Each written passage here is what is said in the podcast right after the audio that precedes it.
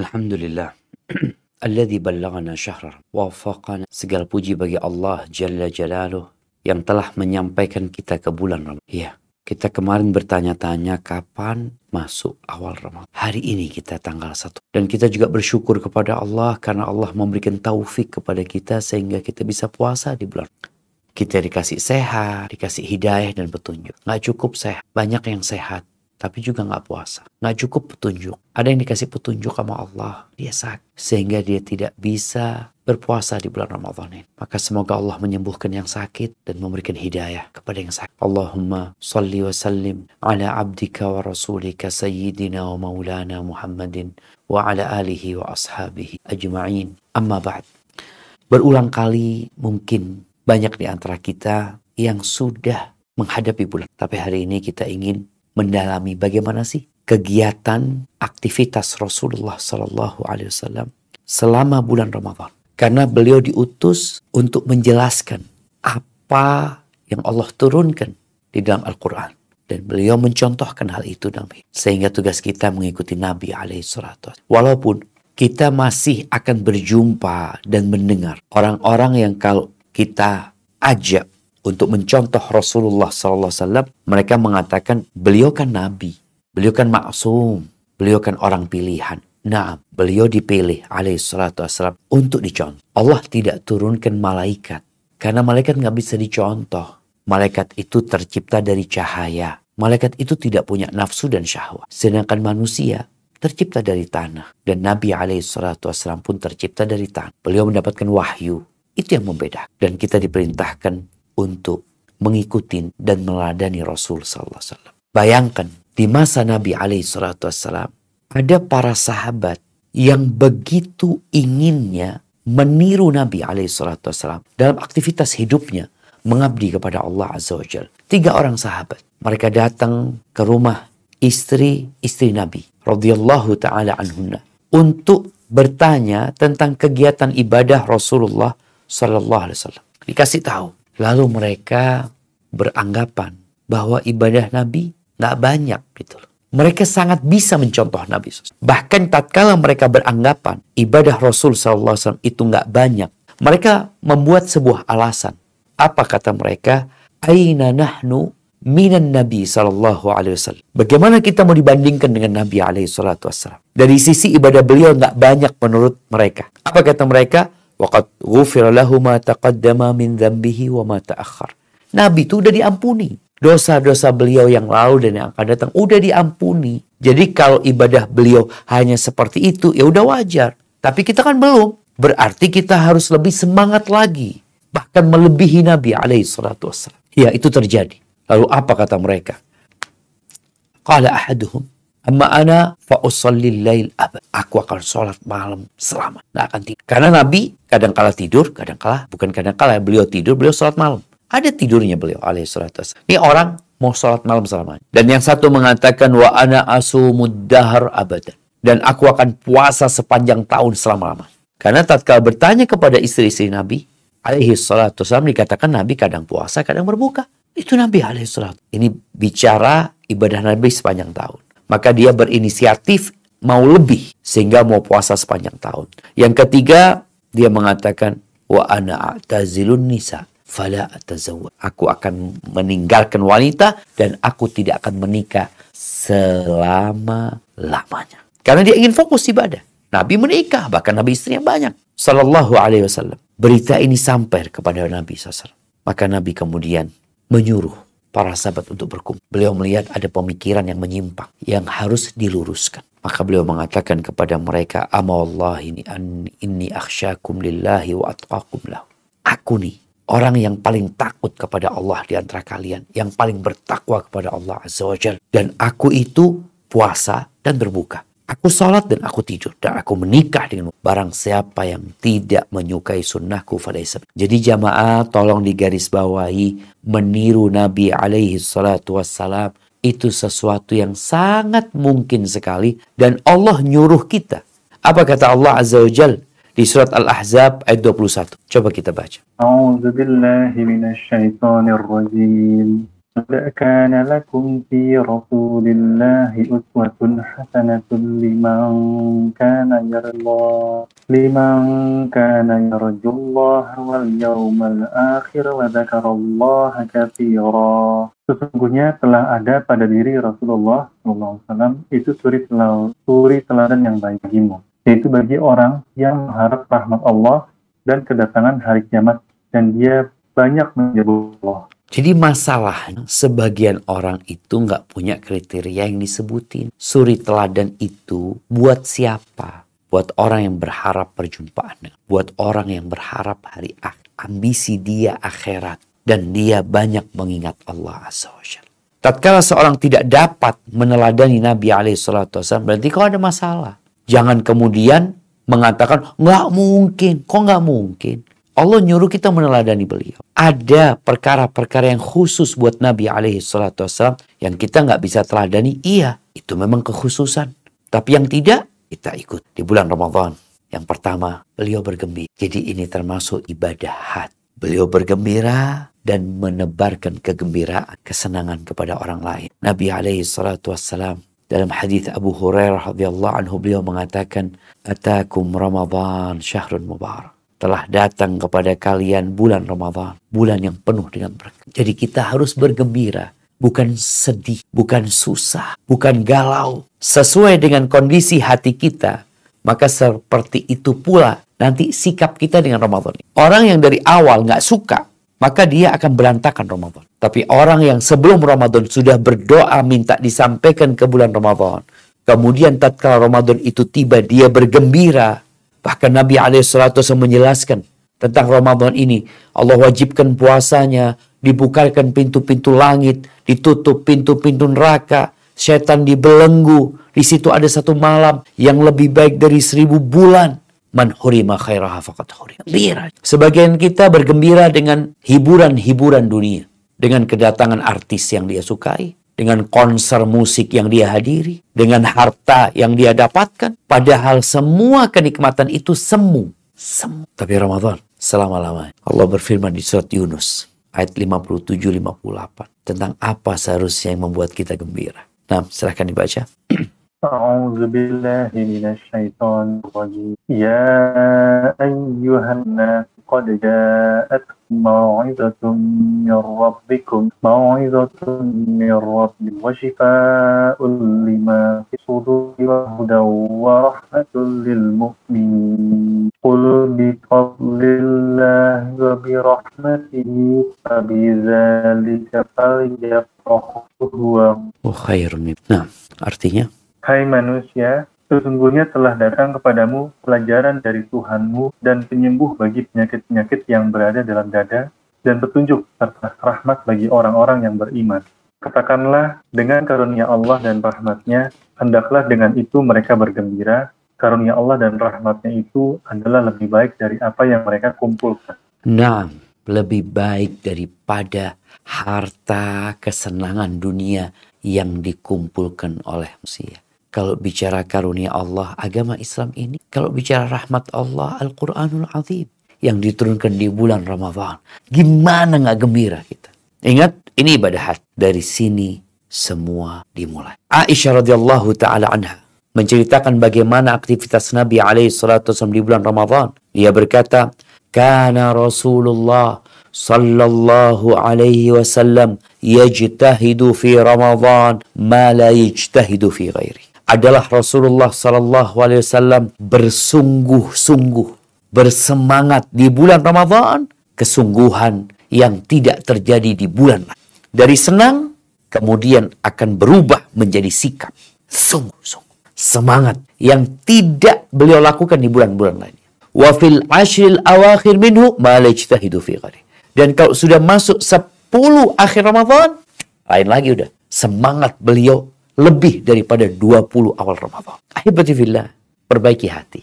Minta supaya disucikan, dibersihkan. Bertobat kepada Allah Azza wa Engkau merasa berat dengan Ramadan, susah dengan adanya Ramadan. Karena hatimu, ya, ditutupin di dosa-dosa. Setan sudah dibeleng, setan sudah dipenjara. Tapi masalahnya bukan di setan, tapi di diri kita. Baik, umat Islam kalau bicara Ramadan, maka dia akan fokus berbuka dan sahur. Berbuka apa, sahur apa. Kita belum berbuka hari ini. Kita akan bicara sahur. Karena kita udah sahur. Apakah yang kita lakukan sudah sesuai dengan yang dicontohkan Nabi alaihi salatu wassalam. Di dalam hadis yang diriwayatkan Imam Bukhari, beliau mengatakan tasahharu fa inna fis sahuri barakah. Kalian makan sahur karena di sahur itu ada berkah. Jadi usahakan bagaimanapun kita makan sahur. Dan namanya sahur itu bukan tengah malam. Sebenarnya sahur itu berasal dari sahar. Kata sahar yaitu waktu yang sebelum subuh. Allah menyebutkan tentang orang-orang soleh. Wabil ashari hum yastaghfirun. Itu penduduk surga. Dulu di dunia, di waktu sahar, waktu mendekati subuh, mereka itu beristighfar. Berkah sahur ini. Waktu mustajab, waktu berdoa, makan lagi. Bahkan Nabi SAW menyebutkan, Ma la yazalun nasu bi khairin ma ajulul fitra wa sahur. Orang itu akan selalu baik ketika mereka mensegerakan berbuka, mengakhirkan sahur. Sahurnya diakhirkan. Dan Nabi SAW mengatakan, Ni'ma sahurul mu'min at-tamar. Rahu Abu Dawud. Sebaik-baiknya sahur orang beriman itu kurma. Kurma. Jadi bukan bicara makan besar ya. Boleh kau makan besar. Kurma. Usahakan tetap ada kurma. Kemudian kalau bicara mengakhirkan sahur tadi, manusia akan dalam kondisi baik selama mereka mengakhirkan sahur. Berapa lama sih antara sholat subuh Nabi SAW dengan waktu sahurnya? Dikatakan 50 ayat dari Al-Quran. Baca 50 ayat, udah adzan subuh. Oh, udah masuk, beliau sholat ya. Jadi boleh jadi udah adzan, kemudian juga beliau sudah dua rakaat sebelum subuh. Yang jelas 50 ayat itu bukan ke adzan subuh, ke waktu sholat. Ini sholat langsung Nabi alaihi salatu Jadi waktunya ya sebelum subuh. Namun kalau engkau mau makan besar, ya nggak bisa. Makannya aja kadang-kadang satu jam. Ada orang konsumsi makan, makan dia dari jam 3, makan satu jam masih belum selesai. Nabi nggak kayak gitu. Sekedarnya tetap sahur. Dan beliau juga menganjurkan sahur walau jur atama, walau seteguk air. Tetap usahakan sahur. Karena berkah sahur itu. Kemudian kalau bicara berbukanya, dianjurkan mensegerakan berbuka. Jadi usahakan sebelum sholat udah berbuka. Jadi bukan berbukanya setelah sholat. Nabi alaihi salatu wassalam, sebagaimana cerita Anas bin Malik radhiyallahu taala anhu, kana Rasulullah sallallahu alaihi wasallam yuftiru ala rutabatin qabla an yusalli. Rasulullah SAW itu berbuka beberapa butir kurma rutop ya, kurma basah itu sebelum sholat. Jelas hadisnya sebelum sholat. Ini menunjukkan beliau mensegerakan berbuka. Fa in lam takun rutabat, kalau nggak ada rutop, apa? Tamarat, kurma yang tua. Fa in lam takun, kalau nggak ada, nggak ada. Artinya di rumah Nabi SAW nggak ada apa-apa. Karena paling tidak di rumah itu ada kurma. Bahkan Nabi SAW mengatakan, Baitun la tamra fihi jia'un ahluhu. Rumah yang nggak ada kurmanya, kelaparan penduduknya. Gimana kalau di rumah Nabi nggak ada apa-apa? Hasa hasawatin minma. Beliau meneguk beberapa teguk air, kemudian beliau sholat. Alaihi salatu wassalam. Hadis rahu Abu Dawud. Jadi bukan acara makan Ramadan itu. Bukan berbincang tentang spesial menu yang disidangkan di Ramadan itu. Bukan. Tapi bicara kita sedang melatih jiwa kita untuk lapar dan haus, menahan syahwat kita dalam rangka beribadah kepada Allah. Jadi bukan ibadah makan, ada dari makan dan minum. Tapi di waktu makan, makan. Dan ingat Nabi SAW tidak pernah mencela makanan.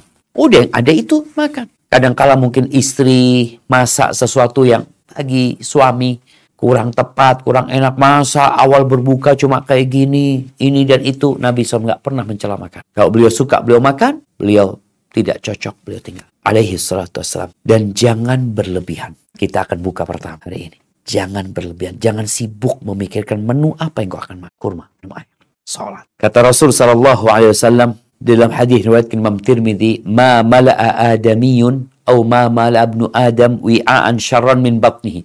Gak ada wadah yang dipenuhi sama manusia yang lebih buruk dari perut. Nggak ada. Kau kalau mungkin naruh ilmu, Masya Allah. Tapi kalau bicara tempat yang paling buruk dipenuhin, itu perut. Bihasa bimi Adam, cukup manusia itu makan beberapa suap. Yukim nasulba, yang punggungnya dia tegak. Jadi dia bisa duduk tanpa sandar. Makanya orang sakit kan bersandar. Enggak, sudah. Dia bisa duduk tanpa sandar. Fa'in kana labudda fa'ilan. Kalau dia harus makan, karena enak, ya udah. Sepertiga makanan, sepertiga minuman, sepertiga buat naf. Imam Ibnul Qayyim rahimahullahu taala tatkala menjelaskan hadis tadi, beliau menyebutkan ada tiga tingkatan dalam makan. Yang pertama orang makan karena kebutuhan. Butuh makan sudah cukup. Dia butuh namanya lapar, masuk sesuatu, itu cukup. Tadi yuqimna sulbahu. Derajat yang kedua, tingkatan kedua, oh, tadi kebutuhannya. Makan karena kebutuhan. Yang kedua, makan untuk kecukupan. Nabi udah kasih arahan. Kalau mau cukup, sepertiga makanan, sepertiga minuman, sepertiga. Seperti itu. Yang ketiga, ada kelebihan. Orang makan sudah bukan, dia sudah kebutuhannya sudah terpenuhi, sudah cukup lagi, tapi dia mau nambah. Ini yang sebenarnya tercelah. Maka Allah Azza wa Jal mengatakan, Kulu washrabu wa. Kalian makan, kalian minum, jangan berlebih-lebih. Kenapa? Inna Allah la yuhibbul musrifin. Allah tidak suka dengan orang yang berlebih-lebih. Maka Nabi SAW makannya secukupnya. Jangan sampai ke, engkau di pagi harinya, duha, siang, petang, nahan ya. Ketika berbuka, masuk dalam kategori, kategori Allah nggak suka dengan orang yang berlebih-lebihan. Gimana? Engkau mencari ridha Allah dengan puasa. Allah suka dengan orang yang berpuasa. Tapi ternyata engkau berbuka menjadi orang yang dibenci sama Allah. Contoh Nabi alaihissalam. Bisa, bisa. Ingat, kita bukan pertama kali. Kita udah sering. Kita yang berpuasa. Maka jangan sampai ketika berbuka, kita jadi rakus dan lupa. Seakan-akan kita belum makan. Dan kita lihat Nabi SAW, beliau juga pernah berpuasa wisol. Seperti apa puasa wisol itu? Menyambung siang dan malam. Beliau puasa hari ini. Malamnya juga puasa. Besok beliau puasa. Malamnya besok puasa. Ketika beliau melakukan itu, sebagian sahabat mengatakan, Ya Rasulullah, innaka tuwasil. Kenapa kami nggak boleh puasa wisol? Sedangkan kau wisol. Kau puasanya nyambung. Maka Nabi SAW mengatakan, Inilah sukai kahayatikum. Ini kekhususan yang nggak bisa ditiru. Aku nggak sama dengan kalian. Ini abitu inda rabbi yut'imuni wa isqin. Aku bermalam di sisi Tuhanku.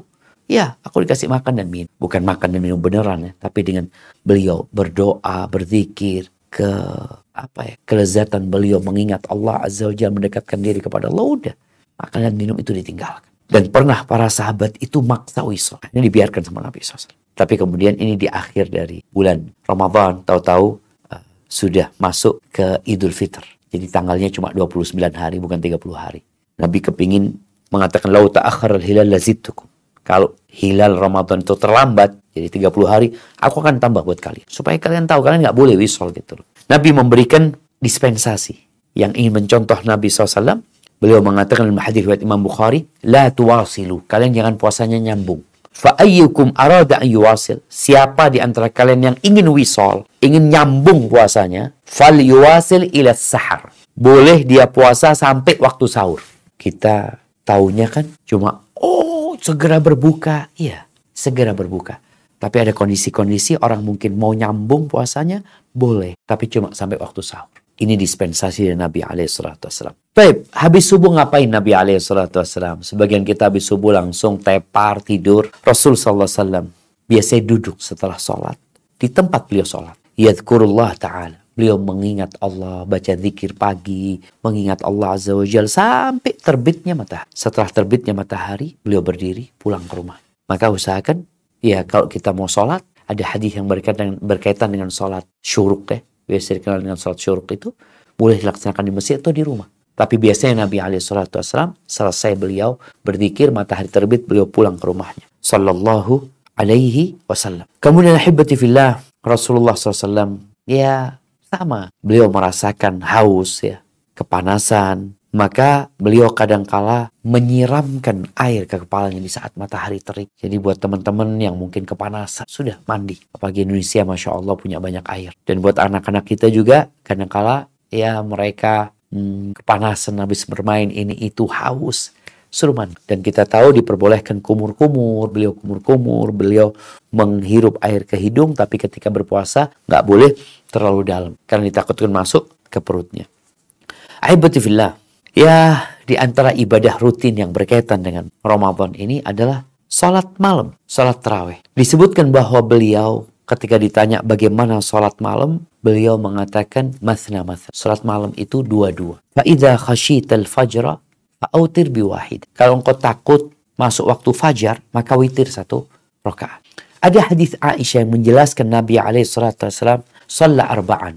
Beliau sholat empat. Thumma sholat arba'an. Kemudian beliau sholat empat. Jangan ditanya tentang panjangnya, tentang indahnya sholat Nabi SAW. Thumma sholat thalathan. Kemudian beliau sholat tiga. Sebelas nih. Empat, empat, tiga. Di sini ada takwil para ulama tentang empat. Nabi mengatakan dua-dua. Kenapa beliau sholatnya empat?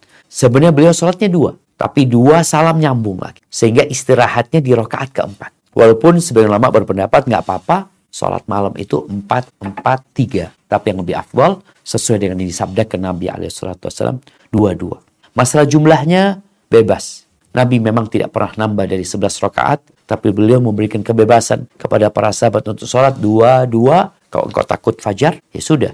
Engkau tutup dengan witir satu rakaat. Ahibati fillah. Nabi alaihi sebagaimana diriwayatkan oleh Aisyah, beliau pernah sholat di masjid berjamaah itu hanya tiga malam. Di malam keempatnya, beliau itu tidak lagi mengimamin mereka. Para sahabat padahal nunggu ya. Malam pertama itu nggak ngasih tahu ada sholat berjamaah di masjid, nggak ada. Yang ada di masjid, lihat Nabi sholat, mereka ikut sholat. Kedua seperti itu, tambah rame lagi. Ketiga tambah ram lagi. Keempat Nabi nggak keluar. Karena Nabi SAW takut. Beliau mengatakan, khasyatan ayyufrada alaikum. Aku takut diwajibkan atas kalian sholat malam itu. Ahibati fillah. Iya, panjang sholatnya Nabi SAW. Ingat, beliau menyebutkan afdalus salati tulul qunut. Sebaik-baiknya sholat itu yang berdirinya panjang. Oleh karena itu, pernah salah seorang sahabat Nabi, Hudzaifah bin Yaman insyaAllah ya. Nah, dia sholat bersama Nabi alaihi salatu wasallam, subhanallah, satu rakaat lima juz lebih. Beliau baca Al-Baqarah, Ali Imran, An-Nisa atau An-Nisa Ali Imran. Itu lima juz lebih dikit. Kalau nggak salah kayak gitu. Satu. Gak mampu, mampu. Tapi nggak mau. Jemaah kita lihat orang kadang kala berdiri. Berdiri naik kereta. Satu jam. Pemain-pemain bola. Uh, latihan berjam. Main bola itu nggak duduk. Jam 45 menit. Sana, sini, sana, sini. Keringetan. Ini cuma berdiri. Dan nanti ada ruku masih. Ada sujud. Subhanallah. Jadi kalau dilihat Nabi SAW, ini cerita Hudzaifah. Bagaimana beliau sholat bersama Nabi SAW yang Nabi membaca tiga surat itu. Dan bacanya nggak cepet-cepetan. Kita lihat sekarang akan ada orang-orang atau masjid-masjid yang mengadakan sholat terawih ekspres umpamanya. Ingat, bukan target jumlah rokaatnya. Bukan banyak-banyakan sholat. Tapi bagus-bagusan ibadah. Liyabluwakum ayyukum ahsanu amala. Untuk menguji siapa di antara kalian yang paling baik amalannya, bukan yang paling banyak. Makanya Hudzaifah radhiyallahu taala anha ketika menceritakan salat malamnya Nabi alaihi salatu wasallam, dia mengatakan, uh, ya, idza marra bi ayatin fiha tasbih sabbah. Kalau lewat ayat yang di situ ada perintah bertasbih, di situ ada cerita tasbih, maka beliau akan bertasbih. Ada sabbih isma rabbikal a'la, yusabbihu lillahi, beliau akan mengatakan subhanallah atau subhana rabbiyal azim, subhana rabbiyal a'la. Wa idza marra bi su'alin sa'al. Kalau lewat ayat berkaitan dengan meminta, memohon kepada Allah, ada surga, ada rahmat Allah, beliau akan berhenti minta. Nggak dilanjutkan, berhenti minta aja. Sebagian kita kan kepingin cepat selesai. Nabi enggak. Jadi memang Ramadan tahun ini usahakan kita itu bukan hanya berbincang berapa kali hatam. Tapi engkau bertanya, menjadikan targetmu, kapan aku faham, kapan aku menjadi orang yang bertakwa. Kapan aku menjadi orang yang berserah diri sama Allah SWT. Iya, engkau hatamkan Quran sama arti.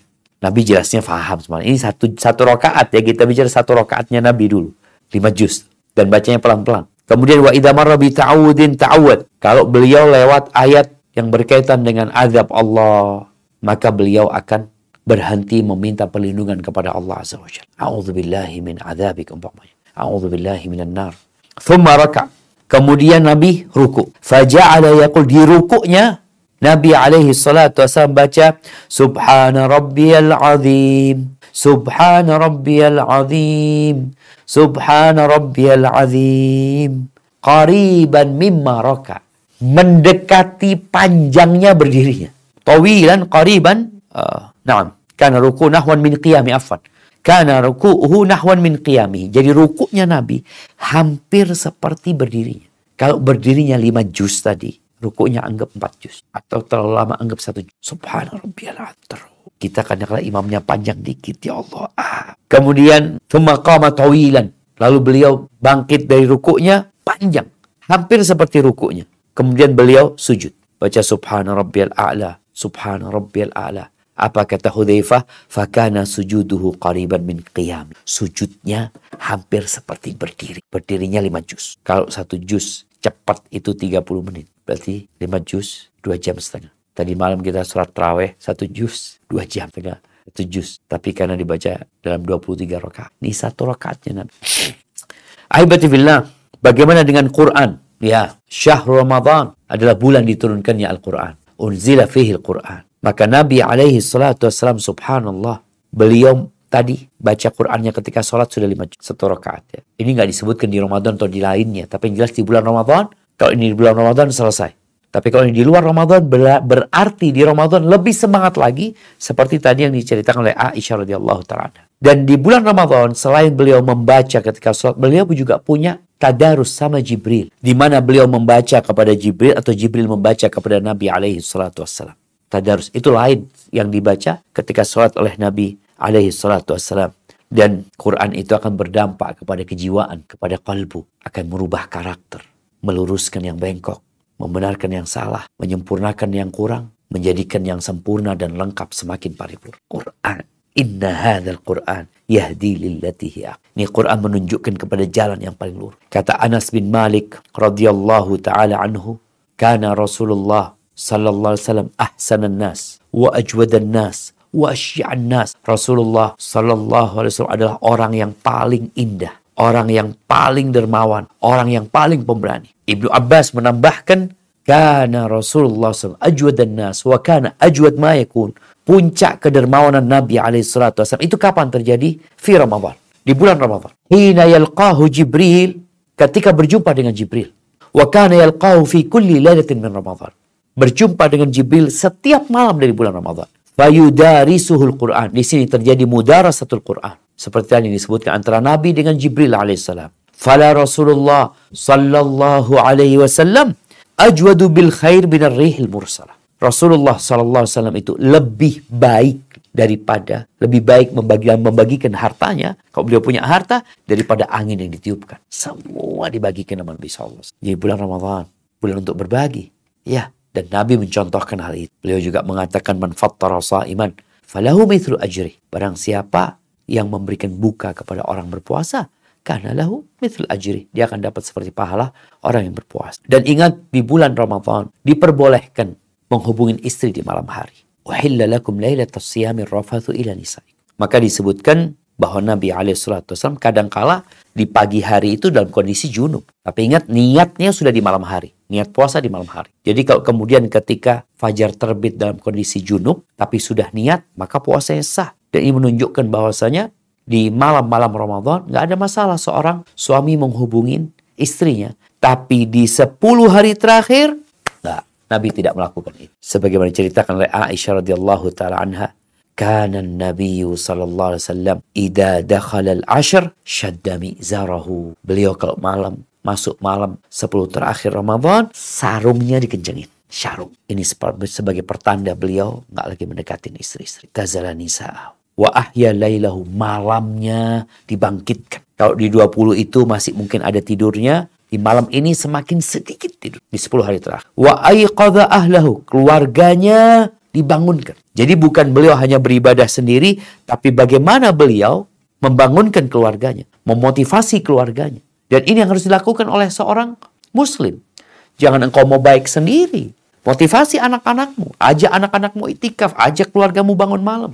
Maka istri-istri Nabi, sebagian mereka itikaf. Dan setelah meninggalnya Nabi SAW, mereka pun etika.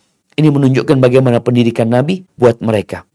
Jadi beliau berbulu Lailatul Qadar juga. Ya, beliau itikaf di 10 hari terakhir. Awalnya beliau itu itikaf di 10 awal Ramadan. 10 pertengahan Ramadan. Kemudian beliau beritikaf di 10 hari terakhir Ramadan. Dan beliau mengatakan, taharrau, kalian kalau mau cari Lailatul Qadar itu, maka carilah fil ashril awakhir. Wal tamisuha fi kulli witrin. Dan kalian cari di setiap wit. Itu Nabi lakukan. Kemudian beliau mengeluarkan zakat fitrah. Lalu jamaah yang terpenting dari semua itu beliau menjaga lisannya menjaga tangannya. Lisannya jauh dari hal-hal yang sia-sia. Tangannya juga tidak melakukan tindakan-tindakan yang dibenci sama Allah Azza wa Jalla. Beliau pernah mengatakan, "Rubba sa'imi laisa lahu min siyami illa ju. Berapa banyak orang yang puasa yang tidak mendapatkan apa-apa kecuali lapar dan rubah qaimin. Berapa banyak orang yang bangun malam tapi nggak dapat apa-apa kecuali capek, begadang. Dan di bulan Ramadan beliau juga memberikan contoh bagaimana berdoa, memohon kepada Allah Azza wa Jal. Bahkan beliau menyampaikan dakwatus sa'i mustajabah. Doanya orang yang puasa itu mustajab. Ada riwayat yang mengatakan ketika berbuka, doanya mustajab. Jadi Nabi benar-benar memanfaatkan waktu-waktu ini semuanya untuk mendekatkan diri kepada Allah. Kalau nggak baca Quran, berzikir, kalau nggak beliau akan berdoa memohon kepada Allah Azza wa Jal. Hadha wallahu alam Itu mungkin yang dapat disampaikan kurang lebihnya mohon maaf. Mungkin kita masuk ke sesi tanya jawab. Anak kembalikan ke moderator. Jazakumullah. Nah, tafadhol belum ada suara nih. Ustaz, apa suara saya sudah terdengar? Maaf, Ya. tadi kemute. Nah, fadhol. Alhamdulillah. Udah, udah terdengar dok. Ya, eh, ya alhamdulillah jazakallah khair materi yang telah disampaikan. Ini sudah ada beberapa dari jamaah yang ingin bertanya secara langsung dan juga dari eh, eh, chat. Saya mulai dulu dari yang di kolom di kolom chat dari Biah Indramayu. Assalamualaikum warahmatullahi wabarakatuh. Ustaz Afwan izin bertanya, Ya. bagaimana cara sholat tarawih sendirian di rumah? Apakah 11 rakaat itu termasuk sholat witir? Lalu bagaimana bacaannya? Seperti sunnah sholat qobliyah subuh dan subuh. Eh, Alhamdulillah Allah Ta'ala kasih anak hidayah di negeri non muslim. Sebelumnya anak nggak pernah tarawih di sini karena dulu taunya harus ke masjid. Nasihat Ustaz, anak berusaha ingin memperbaiki ramalan kali ini, walau sholat sendiri sekarang nggak bisa ke masjid.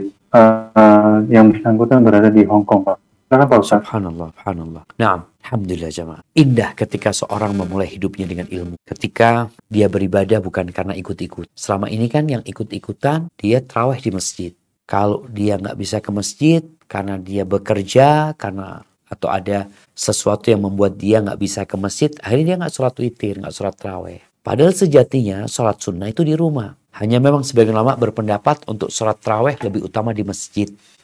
Ya, ini buat kaum laki-laki sebenarnya. Karena memang di masa Nabi SAW, Nabi sempat melakukan berjamaah. Kemudian di masa Umar bin Khattab, sholat terawih menjadi terus berjamaah. Namun bukan berarti nggak bisa dilaksanakan sendirian. Kan boleh jadi yang melaksanakan sendirian, dengan bacaan yang lebih panjang, dengan kondisi yang lebih khusyuk. Semoga dia dapat fadilah yang lebih. Bagaimana pelaksanaannya? Pelaksanaannya yang jelas setelah sholat isya.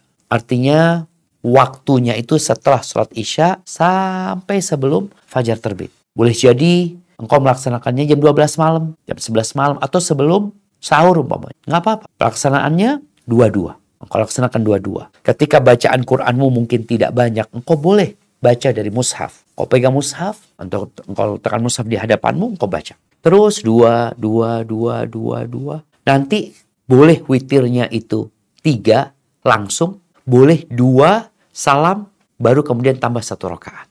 Mungkin ada di antara uh, mereka yang bermadhab Hanafi, sholat witirnya seperti sholat maghrib. Ya memang ada beberapa landasan mereka, namun mungkin yang lebih kuat pelaksanaannya tadi dua plus satu atau tiga langsung.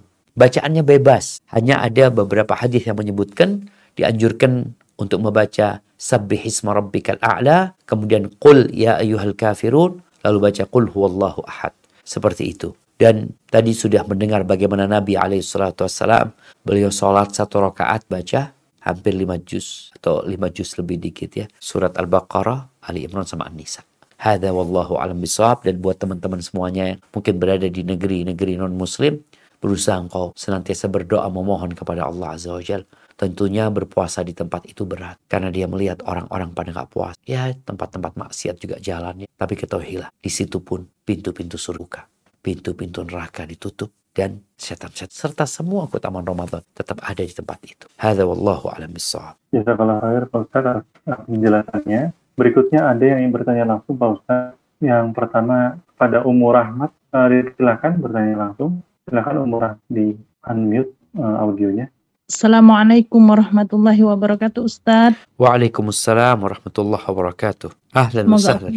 Nah, tafadhali. Ustazah, semoga Allah senantiasa merahmati kita semua. Allahumma amin. Amin. Afan Ustazah, uh, Ustaz, ini kan ada yang Anda dengar ya berpendapat bahwa eh, tarawih itu kan juga disebut dengan Qiyamul. Jadi lebih utama di akhir malam dan katanya wallahu alam ini yang Anda dengar tidak perlu lagi melaksanakan sholat tahajud dan untuk rakaatnya itu afdolnya 11 atau lebih dari 11 itu. Mohon penjelasannya Ustadz. Jazakallahu khairan. Assalamualaikum warahmatullahi wabarakatuh. Waalaikumsalam warahmatullahi wabarakatuh.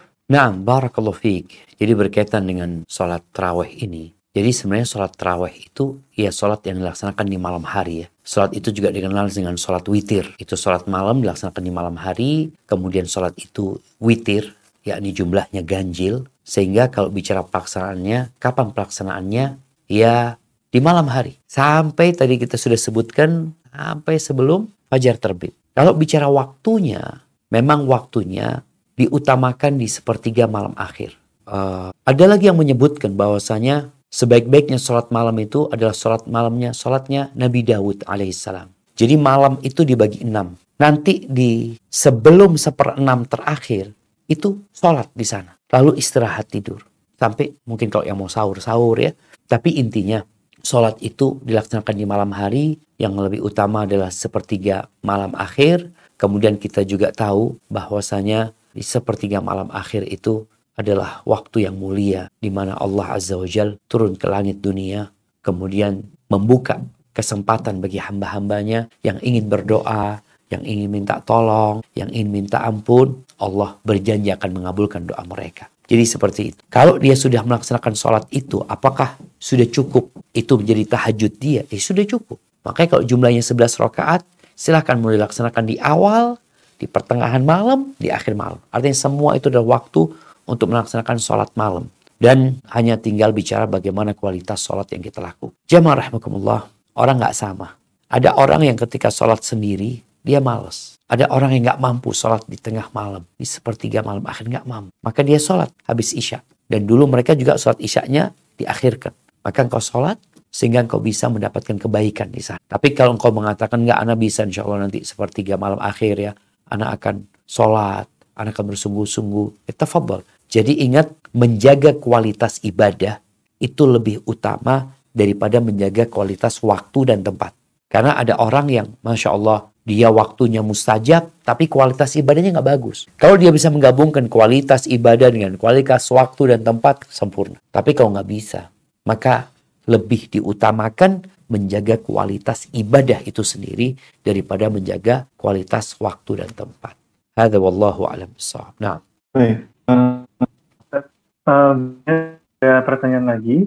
Uh, Assalamualaikum Pak Ustadz. Uh, Ana ingin bertanya, uh, bila di tempat dekat rumah Ana ada sholat tarawih yang uh, dia ada diikuti dengan uh, sholawatan atau bacaan-bacaan tertentu uh, yang mungkin tidak ada panduannya, apakah sebaiknya tetap sholat di tempat itu atau mencari masjid yang lain atau di rumah ya Pak Ustadz? Mohon penjelasan Pak Ustadz. Masya Allah, barakallah fiqh. Iya, ahibati fillah. Ini mungkin menyambung pertanyaan sebelumnya berkaitan dengan menjaga kualitas ibadah itu lebih penting daripada tempat dan waktu. Maka kalau tadi kita sholat di masjid di kampung kita, oke okay lah, mungkin ada bacaan-bacaan yang tidak sesuai dengan sunnah, tapi bacaan imamnya bagus Ustaz. Tidak terburu-buru, kan Anda bisa khusyuk sholat di situ, silahkan kau sholat di sana. Tapi kalau enggak, jadi memang aduh saat bacaannya terburu-buru, kemudian juga ketika berdoa nggak khusyuk ya, karena rame umpamanya ini dan itu. Maka pilihannya tadi, engkau bisa cari masjid lain. Ah, perbedaan antara engkau sholat di rumah dengan pindah masjid. Bicara kualitas tadi, kualitas sholatmu. Kalau ternyata engkau sholat di rumah, tapi ya males-malesan. Karena kan kalau kita sholat sendirian, ruku kita itu tergantung kita. Kita mau baca subhana rabbil azimin sekali, bisa. Mau baca dua kali bisa. Mau baca seratus kali bisa. Tergantung kita. Tapi kalau kita bersama imam, kita ikutin imam. Kalau imamnya tadi bacaan rukuknya panjang, kita mau tidak mau kan nunggu. Nggak bisa kita berdiri sendiri. Maka buat teman-teman, hendaklah lebih mementingkan kualitas ibadah itu daripada kualitas tempatnya atau waktunya. Jadi kalau dia bisa di rumah umpamanya dengan kualitas yang lebih bagus, tafadhol. Tapi kalau enggak, ya manusiawi ya Kita tuh kalau sendirian kadang kala malas. Tapi kalau kita lihat kawan-kawan ya, kayak tadi malam kita sholat terawih itu, Anak punya anak, aduh baba capek, kata dia, ini itu, macam-macam lah alasan dia. Anak katakan, tuh lihat tuh ada anak lebih kecil. Kuat. Ini dia semangat lagi gitu loh. Jadi dengan melihat kondisi, keadaan, kadang-kadang membuat kita jadi semangat beribadah. Sehingga memperbaiki kualitas ibadah kita sendiri. Hada wallahu a'lam Terima kasih Pak Ustaz penjelasannya. Berikutnya saya persilakan kembali kepada Ibu Nur Irawan eh, maaf eh, Bapak atau Ibu Nur Irawan untuk menyampaikan pertanyaan kepada Pak Ustadz silakan. Oh, Bapak Bapak Bapak dokter. Ya silakan. Assalamualaikum Ustaz. Waalaikumsalam warahmatullahi wabarakatuh. Semoga Ustaz dalam lindungan Allah Subhanahu wa taala. pertanyaan saya ini, kalau kita sholat di musola saya Ustaz di kampung kita itu, nah itu sholat terawihnya kayak 23 rakaat Ustaz, Ustaz witir ya Ustaz ya. Oh. Nah, itu apakah witir itu kita malam misalkan rencana kita rencana sholat tahajud witirnya diulang atau tidak Ustadz gitu. Jadi uh, yang witir yang udah kita lakukan bareng dengan sholat tarawih apakah nanti pada saat kita malam sholat tahajud terus kita ulang kembali atau kita langsung sholat tahajud sambil menunggu uh, waktu subuh sholat dua rakaat sebelum subuh gitu Ustaz. Uh, apa Ustaz? Assalamualaikum warahmatullahi wabarakatuh. Waalaikumsalam warahmatullahi wabarakatuh. Nah, jamaah rahimakumullah berkaitan dengan witir ya. Di dalam sebuah hadis disebutkan la witrani fi lailah. Tidak ada dua witir di satu malam. Jadi kalau dia sudah witir di awal, maka udah cukup. Dia nggak perlu witir lagi di malam hari. Dan Nabi SAW menganjurkan agar witir itu dijadikan penutup. Artinya kalau kita yakin malam akan sholat, boleh jadi kita sholat sama imam, imamnya witir, kita genap. Jadi setelah imamnya Assalamualaikum, ya kita tambah lagi. Satu rakaat menunjukkan kita belum sholat witir. Kita sholatnya genap. Dan kita sudah sholat bersama imam sampai selesai juga. Tapi kalau enggak, ya silahkan. Sholat bersama imam, witir, salam, ikut witirnya imam. Nanti di malam hari, dia nggak perlu witir lagi. Jadi ada pilihan seperti itu. Dia berwitir bersama imam, berarti di malam harinya, akhir malam harinya, ketika dia mau sholat malam, dia sholat, tapi tanpa ada witir. Tapi kalau dia memang tidak witir, maka dia tutup nanti sebelum sholat subuh dengan witir. Pilihannya seperti itu. Hadza wallahu alam bisawab. Nah. Baik, terima kasih penjelasan Pak Ustadz. Berikutnya ada yang bertanya lagi Pak Ustadz. Uh, Assalamualaikum Pak Ustadz. Mohon maaf atas ke kekurangan anak. Anak yang bertanya, apakah ada doa khusus setelah uh, witir selesai atau setelah salat tarawih selesai? Lalu kemudian uh, apakah ada riwayat berapa kali Rasulullah SAW menamakan Al-Quran dalam bulan Ramadan Pak Ustaz? Afwan yang terakhir apa? Berapa kali Rasulullah SAW menghatamkan Al-Quran Pak? Masya Allah. Apakah ada riwayatnya Pak Ustaz? Jazakallah khair Pak Ustaz. Masya Allah, Barakallah fiqh. Iya, berkaitan dengan doa khusus ya setelah sholat uh, terawih, apakah ada Wallahu alam, anda nggak pernah tahu. Ada sholat khusus setelah sholat terawih. Artinya setelah dua rakaat, mungkin baca ini ya. Dua rakaat lagi baca ini, dua rakaat lagi baca ini sampai nanti yang ke delapan baca ini dan itu anda nggak pernah tahu. Yang anda tahu nggak ada bacaan khusus. Ada bacaan khusus yang berkaitan dengan witir ya. Di mana Rasul Wasallam membaca Subhanal Malikil Quddus, Subhanal Malikil Quddus, Subhanal Malikil Quddus, dipanjangin yang terakhir itu yang dibaca Nabi Wasallam. Jadi uh, itu mungkin yang dibaca ketika witir mungkin ada tambahan Rabbul Malaikati Ruh tapi tambahan itu disebutkan oleh sebagian lama baif. Jadi yang dianjurkan adalah baca Subhanal Malikil Quddus. Ini juga disebutkan oleh para ulama Syafi'i, Imam Nawawi menyebutkan itu ya. Adapun setelah sholat dua rakaat nggak ada. Nabi sholat nambah, berdiri lagi. Sholat terus seperti itu. Dikatakan terawih ada istirahatnya, tapi dalam istirahatnya tidak ada bacaan tersendiri. Adapun berkaitan dengan berapa kali Nabi SAW menghatamkan Al-Quran, riwayat yang ada itu riwayat berkaitan dengan tadarusnya Nabi bersama Jibril. Setiap Ramadan satu kali. Itu bacaan beliau sama Jibril ya di malam hari. Kemudian di akhir hayat Nabi SAW, Ramadan terakhir, beliau dua kali menyetorkan hafalan Quran beliau kepada Jibril atau sebaliknya. Jibril yang membacakan kepada Nabi Alaihissalam. Berarti kalau lihat dari ini satu kali hanya hatam Nabi SAW yang berkaitan dengan urusan sama Jibril, sisanya nggak ada keterangan ya. Tapi kalau dilihat sholatnya Nabi Alaihissalam panjang ya, kalau dikatakan satu rakaat aja bisa lima juz, maka seperti apa kira-kira sholatnya Rasul atau beliau menghatamkan Al-Quran. Beliau memberikan arahan. Kalau mau menghatamkan Quran, beliau memberikan arahan, ya paling enggak maksimal tiga malam lah engkau hatam. Ini arahan Nabi SAW. Boleh jadi Nabi melakukan itu. Atau Wallahu a'lam bishawab. Karena memang tidak ada riwayat yang menjelaskan secara khusus beliau menghatamkan berapa kali dalam sehari ya. Tapi jelas bacaan beliau panjang. Kalau tadi Hudhaifa menceritakan itu satu rokaatnya lima juz. Kira-kira kalau sebelas rokaat, memang biasanya rokaat kedua akan lebih pendek. Rokaat ketiga akan lebih pendek seperti itu. Hadza wallahu a'lam bishawab. Baik, terima kasih penjelasan Pak Ustaz. Berikutnya saya persilahkan kepada Ferry untuk bertanya langsung kepada Pak Ustaz. Silakan kepada uh, Ferry untuk bertanya langsung. Assalamualaikum warahmatullahi wabarakatuh. Waalaikumsalam warahmatullahi wabarakatuh. Uh, apa izin bertanya Ustaz? Naam, tafadhal. Uh, kan kondisi saya sekarang alhamdulillah lagi hamil Ustaz. Alhamdulillah. Lagi nggak bisa puasa kan. Jadi ada kondisi apa gitu Ustaz yang bisa kodok atau bisa video gitu Ustaz? Nah, Kondisi apa yang mengharuskan bisa kodok atau bisa video? Barakallahu fiik. Naam jamaah, berkaitan dengan fidyah dan qadha bagi orang yang hamil dan puasa. Masalah ini memang ada khilaf di antara para ulama, tapi jumhur ulama berpendapat mereka sepakat kewajibannya adalah qadha bagi orang yang hamil dan menyusui yang tidak bisa berpuasa. Itu jumhur ulama. Walaupun ada pendapat lain yang mengatakan uh, da dari kesepakatan mereka mengkodok itu nanti ada lagi perbedaan pendapat. Apakah dengan mengkodok itu bayar fidyah atau cukup mengkodok saja? Kapan dia kodok? Kapan dia bayar fidyah? Ada khilaf di antara mereka. Tapi intinya memang orang yang tidak bisa berpuasa itu ada dua kondisi. Kondisi pertama tidak bisa berpuasa secara permanen. Maka yang ini masuk dalam firman Allah wa fidyatun ta'amu miskin. Yang nggak mampu berpuasa secara permanen, maka dia berfidyah. Seperti itu. Adapun yang tidak mampu berpuasa karena kondisi keadaan sementara, maka dia mengkobok seperti orang sakit atau orang musafir. Di sinilah jumhur ulama berpendapat bahwasanya yang dat yang hamil maaf, yang hamil dan menyusui itu lebih dekat kondisinya dengan orang sakit dan orang musafir nggak permanen dia. Nanti dia akan mampu.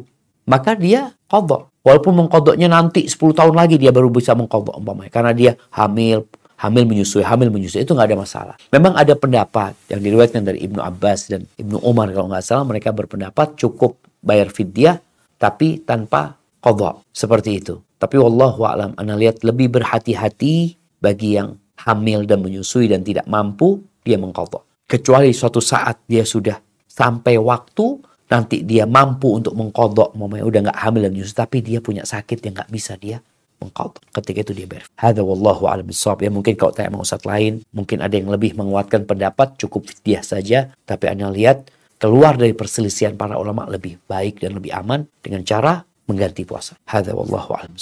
Baik, terima kasih atas penjelasannya. Pak Ustadz, saya mendapatkan info Pak Ustadz sampai jam 14 lewat 10 ya. Ini mungkin satu pertanyaan terakhir Pak Ustadz Siap, ya. Dok. Mungkin sekaligus memberikan kesimpulan. Ada pertanyaan dari Dr. Edga Armina. Assalamualaikum Ustadz. Bolehkah jika salat tarawih berjamaah masjid yang imam tarawihnya 20 rakaat, namun kita hanya 8 rakaat kemudian pulang dan tarawih di rumah. Jazakallah khair. Pak. Masya Allah, barakallahu fiik. Ya, kalau pertanyaannya boleh apa enggak, ya boleh-boleh aja. Karena memang tadi sholat terawih ini nggak harus 11, nggak harus 23.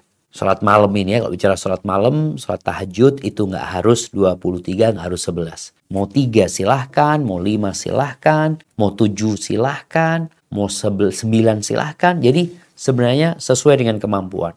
Tapi tadi Nabi SAW nggak pernah lebih dari 11. Namun Nabi memberikan uh, memberikan kesempatan dua-dua ya terserah gitu. Sampai kapan? Yang penting sebelum fajar terbit. Jadi kalau ada orang yang sholat cuma 8 rakaat kemudian pulang, ya nggak apa-apa. Akan tetapi ada hadis Nabi SAW yang ini sering disampaikan oleh para ulama ya. Man shalla ma'al imam hatta yang sorif ini yang berkaitan dengan sholat di bulan Ramadan. Barang siapa yang sholat bersama imam. Ini juga menjadi hadis yang menguatkan dianjurkan berjamaah. Bagi laki-laki khususnya. Man ma'al imam hatta yang sorif. Dia sholat bersama imam sampai pulang, maka dia akan ditulis sholat semalam suntuk. Hitungannya seperti itu. Tapi nggak apa-apa kalau katanya seorang perempuan juga lebih baik dia sholatnya di rumah sebenarnya dan tidak berjamaah di rumah pun sendirian itu lebih baik buat dia. Semakin dia tertutup, semakin dia tersembunyi, itu akan lebih baik buat dia. Hadza wallahu a'lam. Jamaah rahimakumullah. Nah, hari ini hari pertama. Dan jadikan awal hari hari yang paling indah untuk memulai hidup kita di bulan kalau masih ada dosa-dosa yang dikerjakan udah ber kalau masih ada hal-hal sia-sia yang kita kerjakan tinggalkan kita nggak tahu Ramadan ini akan kembali atau tidak buat kita. hari ini pun kita nggak tahu apakah kita bisa menyempurnakan puasa kita. Maka nikmatin nikmatin detik-detik Ramadan ini. Dengan apa? Mengingat Allah dan mengingat surga pintu-pintunya sedang dibuka. Sampai berjumpa kembali semoga senantiasa dalam lindungan ilahi Subhanakallahumma bihamdika asyhadu an la ilaha. Ana kembalikan ke moderator. Jazakallahu